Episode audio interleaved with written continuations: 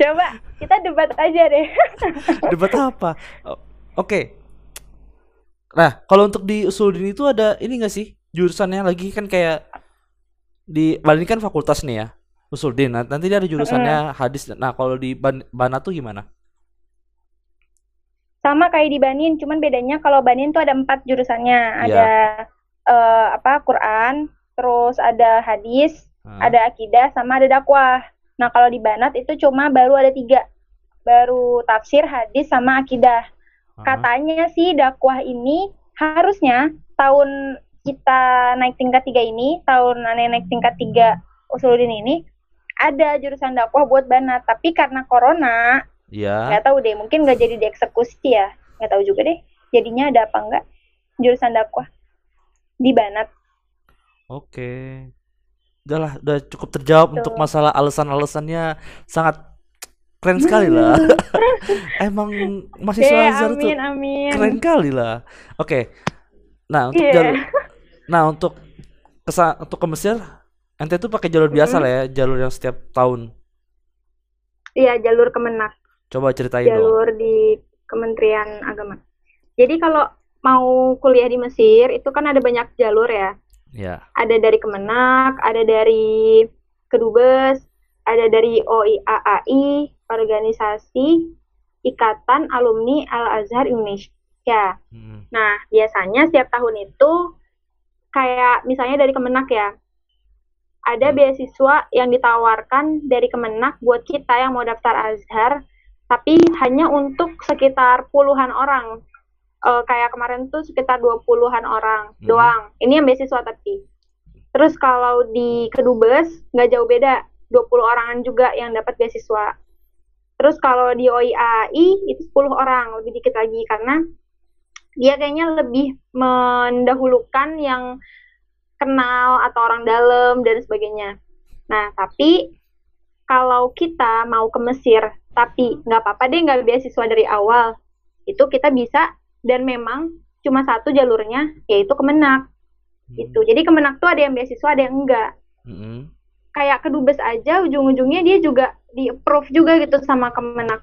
Jadi kayak teman-teman aneh tuh yang jurusan kedubes, eh yang jurusan yang daftar lewat kedubes itu ujung-ujungnya dia juga di approve juga lewat Kemenak. Jadi sebenarnya kalau mau disederhanakan jurusan eh jurusan jalan untuk ke Mesir itu cuma satu untuk bisa masuk Mesir tuh ya dengan tes Kemenak dan biasanya itu sekitar bulan Mei atau bulan Juni ada dibuka tesnya dan itu eh, bisa diakses lewat webnya namanya diktis.kemenak.go.id kalau Oke, berarti untuk Kemenak bisa siapa Betul. aja ya? Untuk yang masuk untuk bisa jalur- siapa aja Tapi untuk jalur Hmm. Kedubes dan OIAI ya biasanya bisa orang harus orang dalam atau orang kenalan aja atau Iya. gimana? kalau kalau OIAI untuk yang aneh tahu ya OIAI itu kayaknya buat orang yang memang pernah berafiliasi dengan maksudnya dia pernah kenal gitu sama orang OIAI-nya tapi kalau eh, kedubes itu nggak harus orang dalam sih meskipun kebanyakan iya tapi ada teman aneh eh, seangkatan aneh dia datang ke sini dapat jalur kedubes dan aneh bantuin pemberkasan dia juga eh, di kedubes Mesir di Jakarta. Dan itu dia nggak kenal sama orang dalam sama sekali. Karena memang ya dia bisa aja gitu ngikutin tesnya. Tapi tes di kedubes itu memang kadang nggak terlalu apa ya nggak terlalu jelas sih. Kalau bisa aneh sebut kan kalau di Kemenak itu kan kita tesnya ada tes lisan. Heeh. ada tes tulis ya kan. Kalau di kedubes tahun 2017 tahun aneh datang ke sini itu tesnya itu pakai tulisan tangan syekhnya jadi nggak di apa nggak di print gitu. Jadi kayak soalnya itu baru dibuat beberapa jam sebelum tes itu diselenggarakan. Dan itu soalnya isinya cuma satu mata pelajaran koaid semua gitu. Jadi nggak nggak dari banyak pelajaran. Kan kalau di Kemenak itu tesnya tes tulisnya banyak pelajaran ya. Ada dari balagoh ada dari tafsir ada Eh berarti ente tuh sem- sempat tes Kedubes? Enggak, enggak. Aneh enggak tes, tapi aneh dapat ceritanya. Aneh Oh. nggak bisa tes ke dubes. Oh, soalnya nggak tahu itu. nggak tahu infonya juga ya Tahu-tahu, cuman aneh lagi di pondok. eh, ngafal di pondok. mm-mm. Masya Jadi enggak tes. ya, soalnya jauh juga ke Jakarta bolak-balik ntar. Iya sih. Mm. Berarti Betul. nah untuk so- soal yang tadi tuh ya soal eh soal tes kemenak itu sistemnya gimana jadi dari cara tahu kita tuh dapat taunya dari mana gitu loh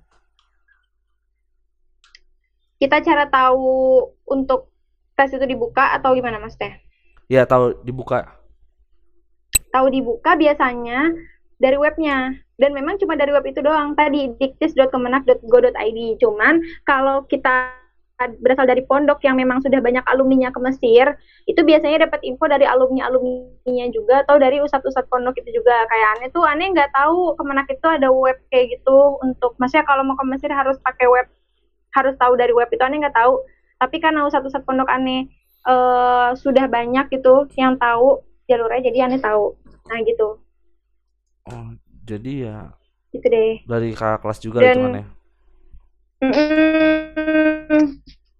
Dan bisa sih gini misalnya eh, kalian ada pengen niatan gitu ke Mesir maksudnya adik-adik nanti yang nonton video ini ada pengen niatan untuk ke Mesir Mm-mm. itu bisa banget kayak misalnya ngefollow kakak-kakak yang udah kuliah di Mesirnya terus nanya-nanya kira-kira pendaftarannya kapan dibuka. Mungkin kakak itu yang udah kuliah di Mesir itu bisa ngasih info kalau ini in case kalau eh, sekolah kamu itu belum banyak alumninya yang ke Mesir. Jadi kamu harus cari tahu dari siapa lagi nih. Ya udah dari kakak kelas yang udah sekolah di sini aja di Mesir.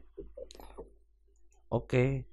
Itu sih berarti itu kan masih waktu itu masih di pondok ya berarti yang daftarin itu dari pihak sekolahnya dong Mm-mm. Daftar daftar kayak daftar kuliah biasa sih. Jadi ada tes tes SKCK, ada tes tes em eh ada tes SKCK, terus ada tes kesehatan juga. Terus ngasih ijazah terakhir, ijazah SMA terakhir dan itu dijadiin bahasa Arab, dilegalisir, ya kayak gitu-gitulah kayak persyaratan biasanya. Tapi biasanya kalau persyaratan secara detailnya itu emang udah ada semua di web Kemenak itu. Jadi bener-bener kalau mau tahu dan biasanya kan emang selalu ada update ya tiap Iya. tahunnya mungkin ya. Apalagi sekarang ada corona dan sebagainya. Nah itu diakses aja di webnya diktis kemenak ya diktis.kemenak.go.id. oke berarti dulu juga merasakan eh pas tes dulu kan merasakan ini kan apa soal 60 soal itu tes Iya. tes pas tes 60 ya? iya 60 soal pilihan ganda Oh iya, Ah, ah, ah. merasakan. itu jawabnya Ada itu jawabnya Gimana? serius atau enggak serius kan aneh pengen banget ke Mesir. oh kirain Serius, aneh tuh pengen banget soalnya ke sini. Soal Orang pilihan pertama. Oh, soalnya nih ngerjain tuh nggak seri nggak nggak agak serius juga sih soalnya emang nggak ngerti ya udah ngasal aja dan waktu juga nggak cukup kan udah selesai duluan ya udah tidur Hmm. Ya Allah, tapi emang sih eh, soalnya memang susah sih kalau waktu tahun kita ya, susah Iya. gitu. Maksudnya emang ya butuh berpikir banyak. dan Tapi juga kalau kayak gitu ya triknya ah, di insyanya aja, di esainya aja dibagusin. Kalau Yes. trik da- dari aneh ya, aneh waktu itu ngerjain tuh esainya dulu. Jadi buka-buka soal aneh langsung ngerjain esainya dulu dan aneh langsung. Jadi pikiran pertama yang masih fresh itu aneh tuangkan untuk mengejarkan menga- mengerjakan esai dulu. iya Jadi biar ide-ide tuh tertuang semua di esai dan jangan dikit esainya, yang banyak aja. Dan nanti setelah bikin esai kan udah rada capek tuh, udah rada terkuras. Nah baru ngerjain yang pilihan ganda kan pilihan ganda tuh sebenarnya ngerjainnya bisa lebih santai daripada esai kan, daripada insya. iya sih iya sih benar-benar benar Mm-mm. tapi untuk aneh Gitu. untuk ngejain Triknya. trik waktu itu gini sih ngejain soal dulu yang pilihan ganda baru yang esainya Mm-mm. karena kan emang lagi blank banget nggak tahu bahasa Arab karena emang dari SMA lah jarang ngomong bahasa Arab ya udah tulis tulisan yang di insya itu nyontek nyontek Hmm. aja gitu Iya tuh bisa juga tuh kayak gitu. Ya kalau mau ideal banget ya, Heeh, kerjain dulu beberapa pilihan gandanya, beberapa aja jangan semua. mm-mm. terus kerjain esai, dapat eh, inspirasi dari pilihan gandanya, baru setelah itu kerjain pilihan ganda sisanya.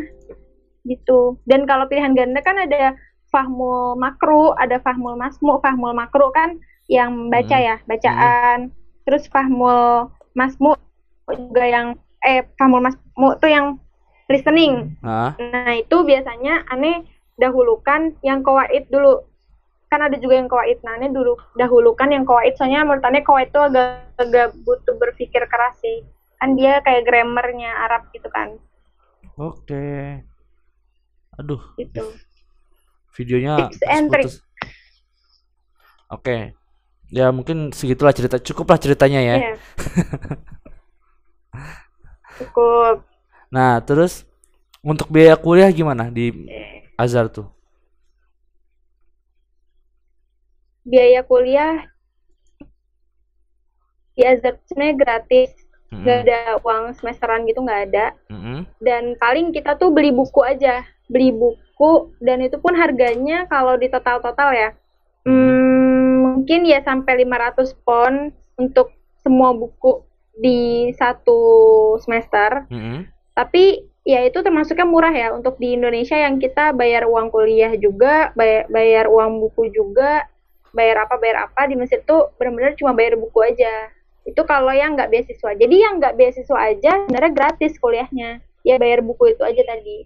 Sama bayar tempat tinggal gitu. Untuk rusum? oh iya untuk rusum juga. Tapi itu juga paling cuma berapa pon gitu. Nggak terlalu mahal. Oh, alah. Kirain ya kemarin sih aneh hitung-hitung sampai tiga ribu doang sih. Bener nggak? itu apa kalau Rusum, sama visa, tasdik, dan perpanjang visa. Iya, kalau rusum visa itu emang kalau dihitung-hitung cuma 300. Terus sama Bu kalau dihitung-hitung 500 ya. Jadi Apa? mungkin 800 lah ya. Iya, ya kalau di Tapi itu total 800 tuh satu semester gitu. Ya atau enggak satu kalau di total ya 1,3 lah ya. 1,3 ingin sedikit Iya. gitu. Tapi jangan khawatir di sini tuh banyak banget beasiswa yang bisa di-apply. Dan itu bisa dapat uang buku juga. Heeh. ada beberapa lembaga beasiswa yang ngasih uang buku, terus ngasih biaya tempat tinggal pastinya, ngasih uang saku, uang jajan juga banyak deh. Ada yang ngasih tiket pesawat juga. Ada? Beda-beda lembaga, beda-beda fasilitas. Ada, Bus. Oh iya. Beasiswa Azhar. Aduh. Mm-mm. Nah, kalau ente sendiri dapat beasiswa atau enggak? Alhamdulillah kemarin habis apply di beasiswa Azhar, Buus ya Ah. namanya. Alhamdulillah dapet Wih, makan-makan dong lah ya. baru kemarin. Tapi gimana ya, lagi corona gitu. Maksudnya sekarang kan lagi corona nih, Ha-ha. jadi nggak tahu nanti eh, gimana. Kemarin tuh bener-bener baru diumumin doang. Nama yang ini ndak baru baru baru bener-bener diumumin doang, belum dieksekusi Oh. kayak apa-apanya lagi belum. Tuh. Berarti untuk pengambilannya belum tahu lah ya. Mm-mm. Tapi kalau kata senior-senior ya, Mm-mm. itu emang harus punya visa pas ngambil. Jadi kayak bawa paspor, bawa Oke. bawa paspor yang bervisa dan visanya gitu deh. Waduh, connecting lambat nih.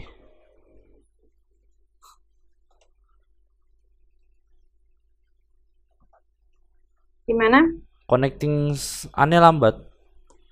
Biasanya cepet loh. Hmm, mungkin lagi gangguan sekarang. Apa jangan-jangan karena sore banyak yang make? Karena biasanya kan ngeteknya pagi-pagi tuh. Cepet. Cuma kalau sore nggak tahu tumben lambat aja. Iya sih, emang harusnya pagi-pagi. Aneh lebih suka juga pagi-pagi. Soalnya lah. Lebih sepi rumah kan. Heeh. Tadi tuh aneh ngira kalau pagi-pagi tuh mungkin ya you know lah mahasiswa banyak yang tidur gitu kan. Nah, aneh kira ente tidur. Enggak. Maksudnya kan kalau pagi tuh lebih enak karena kenapa ya? Karena orang-orang pada tidur. Nah, iya sih. Justru itu karena orang-orang tidur. Jadi kita nge-zoom. Lebih cepat sinyalnya. Iya sih emang emang. Oh ya, lanjut aja lah. Nah, untuk Nggak apa-apa lah. jajan per bulan tuh berapa? Kalau jajan per bulan, standar-standar sih, kalau sekarang ya bi- biaya udah pada naik semua karena Ah. corona. Mungkin sejuta lima ratus tuh udah banyak banget. Tapi kalau kalau nggak ada corona dan dan misal orang ini nggak terlalu neko-neko, itu sebenarnya sejuta juga cukup. Juta tuh udah cukup banget menurut aneh. Untuk kuliah ya, bukan untuk daurah lugoh karena daurah lugoh tuh biayanya mahal kayak 600 pon gitu kan tiap bulan. Mm-mm. Jadi mem- memang harus lebih banyak uang juga. Tapi kalau aneh sejuta sebulan itu lumayan cukup sih untuk ma- mahasiswa tuh. Kayak tuh udah banyak banget. Nah, untuk kalau rumah gimana?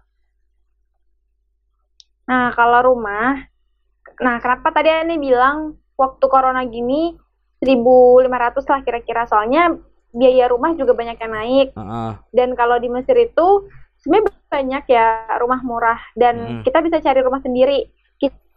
Kisaran itu dari Putus-putus.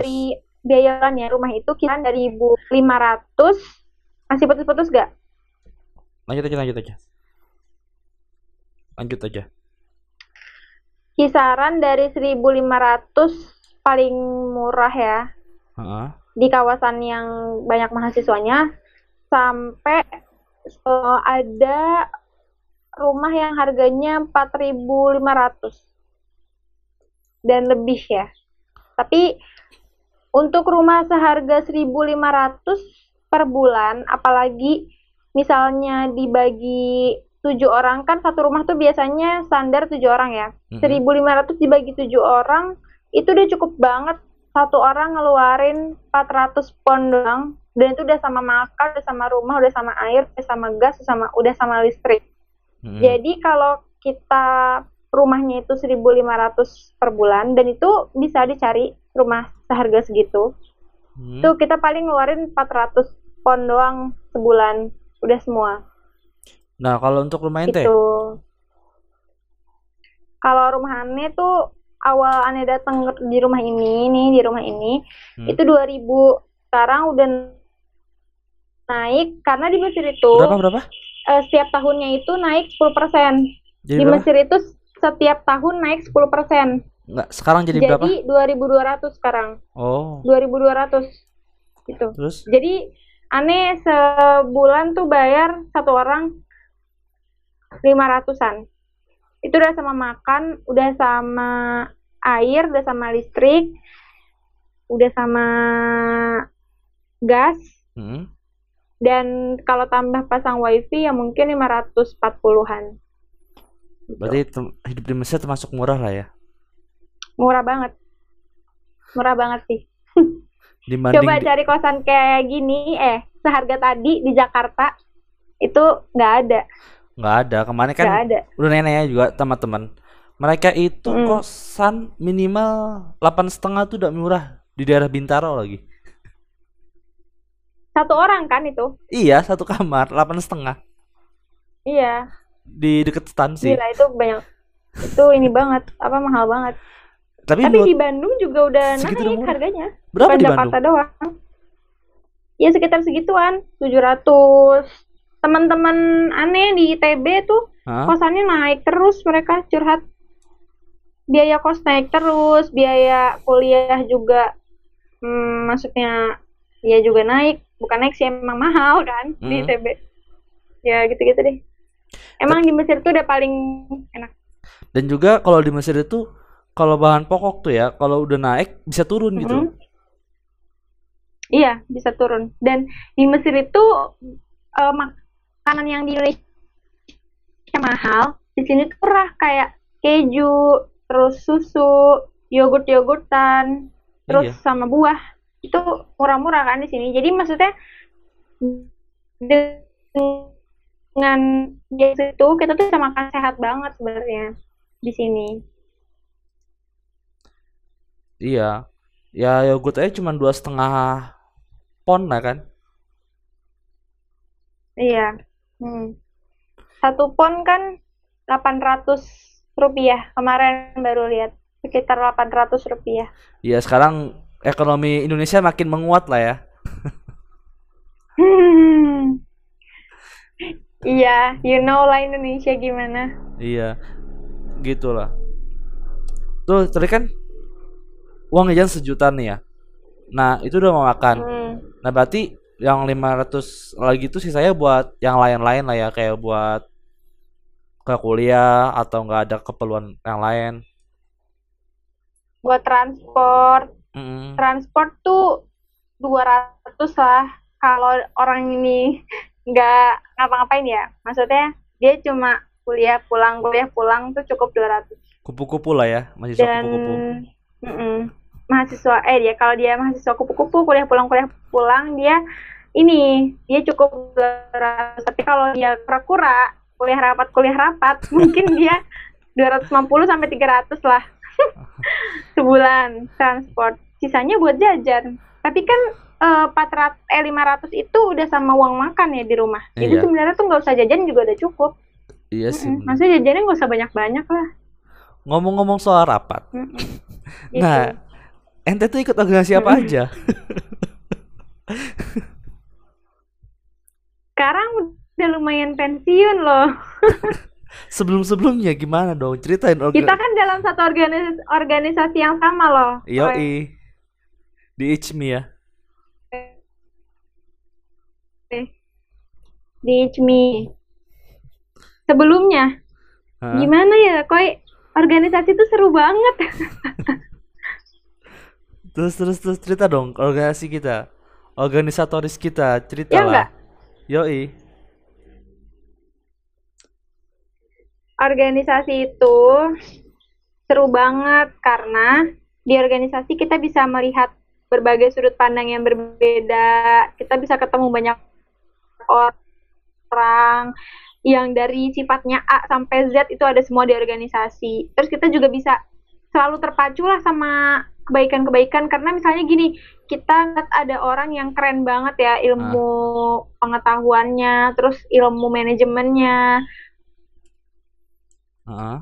belajarnya juga oke dan kita pasti pengen kan kayak dia nah karena kita berinteraksi sama dia dan itu dihubungkan lewat organisasi kita jadi termotivasi untuk menjadi seperti dia dan makanya karena itu kenapa nih pengen eh suka banget organisasi karena itu ketemu banyak banget inspirator di negeri Kinanah ini di bumi Kinanah ini yang mengajarkan aneh untuk bisa menjadi orang yang seperti sekarang gitu BTW ikut, deh. ikut organisasi apa Gimana aja? Koy? Ikut organisasi apa ya sekarang nih? Sekarang aja kan? Enggak sebelum-sebelumnya, enggak ada sebelum-sebelumnya. Dari semenjak di Mesir. Semenjak di Mesir. Pertama datang tuh langsung ikut organisasi marhalah, organisasi angkatan. Heeh. Dan itu banyak banget acara-acara lah. Gimana sih anak-anak baru yang masih semangat-semangat banget. Banyak banget acaranya. Terus aneh sempet bikin buku juga sama mereka. Jadi Heeh. kita punya buku namanya Antologi Cerpen sama Antologi Opini. Yang Nah, Zahira itu ya. terus udah bikin buku, mm, buku Ya, Zahira itu kita yang jual ke teman-teman. Zahira. Harganya 50 kalau nggak salah. Iya, jadi konsep bukunya tuh kayak konsep bukunya Ustadz Salim Afila sama Ustadz Felix Siau. Yang covernya tuh kebalik. Jadi ini Salim Afila, ini Felix eh ini. Salim Afila, ini Felix Siau. Gitu nggak Heeh. sih? Iya tahu tahu, enggak tahu lah pokoknya Iya itu. kan kayak gitu. Terus Iya.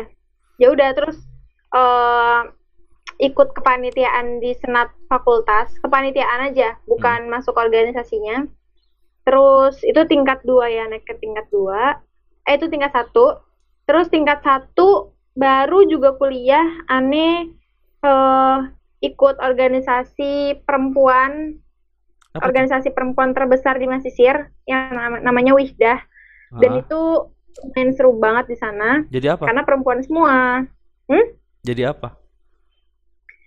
Waktu itu karena masih anak baru ya, jadi Masih anggota. jadi anggota di bidang organisasi. Ah, itu seru gitu. sih. Terus, nah itu dapat ilmu diplomasi diplomasi ke KBRI itu dari Wihda juga. Terus Hmm. Ane tuh sering ikut eh, organisasi lagi kayak kepanitiaan di PPMI, bukan organisasi, kepanitiaan di PPMI kayak panitia wisuda PPMI, Hah? terus panitia International Culture Festival, terus aneh juga dap ikut apa lagi ya? Pokoknya dari kedua kepanitiaan tadi wisuda sama International Culture Festival, aneh jadi lebih kenal banyak orang. Aneh sampai kenal orang-orang KBRI banyak. Terus aneh juga kenal anak-anak Puskin. Puskin tuh sekolah Indonesia di Kairo. Karena ya emang itu tugas aneh waktu itu di dua kepanitiaan itu eh, bolak-balik KBRI untuk minjem kostum buat penampilan. Jadi di situ aneh kenal banyak sama orang-orang KBRI. Dan di situ menurut aneh itu yang paling seru sih, kepanitiaan paling seru. Terus apa lagi ya? Oh ya, terus tingkat dua ini aneh organisasi di lembaga eksekutif dan legislatif PPMI di MPA dan BPA PPMI Mesir. Dan tuh jadi aneh jadi sekretaris jenderal MPA. Itu Gitu utusan dari Sama di ICMI, utusan dari mana? Yang MPA tadi. utusan dari Wihda, Oh. utusan dari Wihda. Sudah Jadi sebenarnya aneh tuh Wihda kan cuma tingkat satu aja ya. Heeh. Cuma Eh, tingkat bentar, satu aja kalau ya. bentar. Tapi mm, rasa kepemilikan terhadap Wihda tuh ada terus. Bentar, bentar ya. Bentar, bentar, bentar. Bentar, ada orang masuk.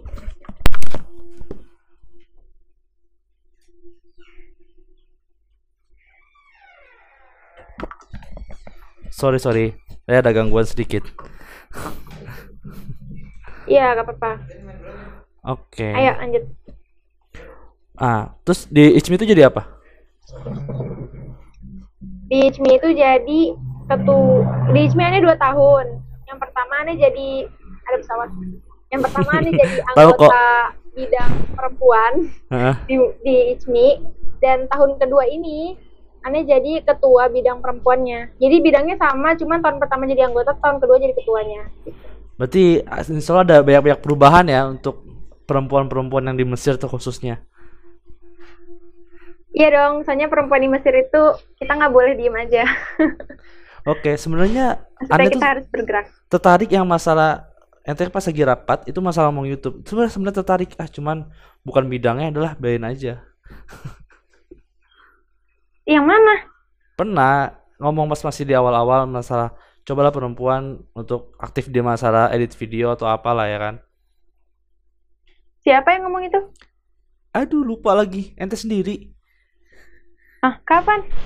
Pokoknya cari aja lah di tulisan-tulisan. Hmm. Hmm, iya ya. iya. Sebenarnya ini juga pengen nih bikin YouTube kayak gini. Ah. Cuman banyak banget pertimbangannya. Apa? Karena aneh perempuan. Bikin aja lah. Iya. Bikin yang lain dulu deh. YouTube kayaknya nanti kalau udah apa gitu. Ini aja jujur aneh aja iseng-iseng kayak gini tuh. Daripada ngapa-ngapain. Iya nggak apa-apa. Bagus loh. Sekarang kan lagi pandemi. Kita harus di rumah aja. Nah, Ya gimana lagi kalau kita nggak berkarya lewat media ya kan? iya sebenarnya dari konten tanya kuliah ini tuh udah dari tahun lalu. Cuman kalau datengin orang kan lama lagi, kadang janjinya susah. Ya udah ada Zoom. Ya udah dari video call video call aja lah sekarang. Iya. Nggak apa-apa sih. Sederhana aja. Yang penting kan konten isinya. Yo, Nah, coba dong Hmm, ceritain kegiatan eh li- lingkungan di sana gimana aja? Eh di sana, lingkungan di Mesir.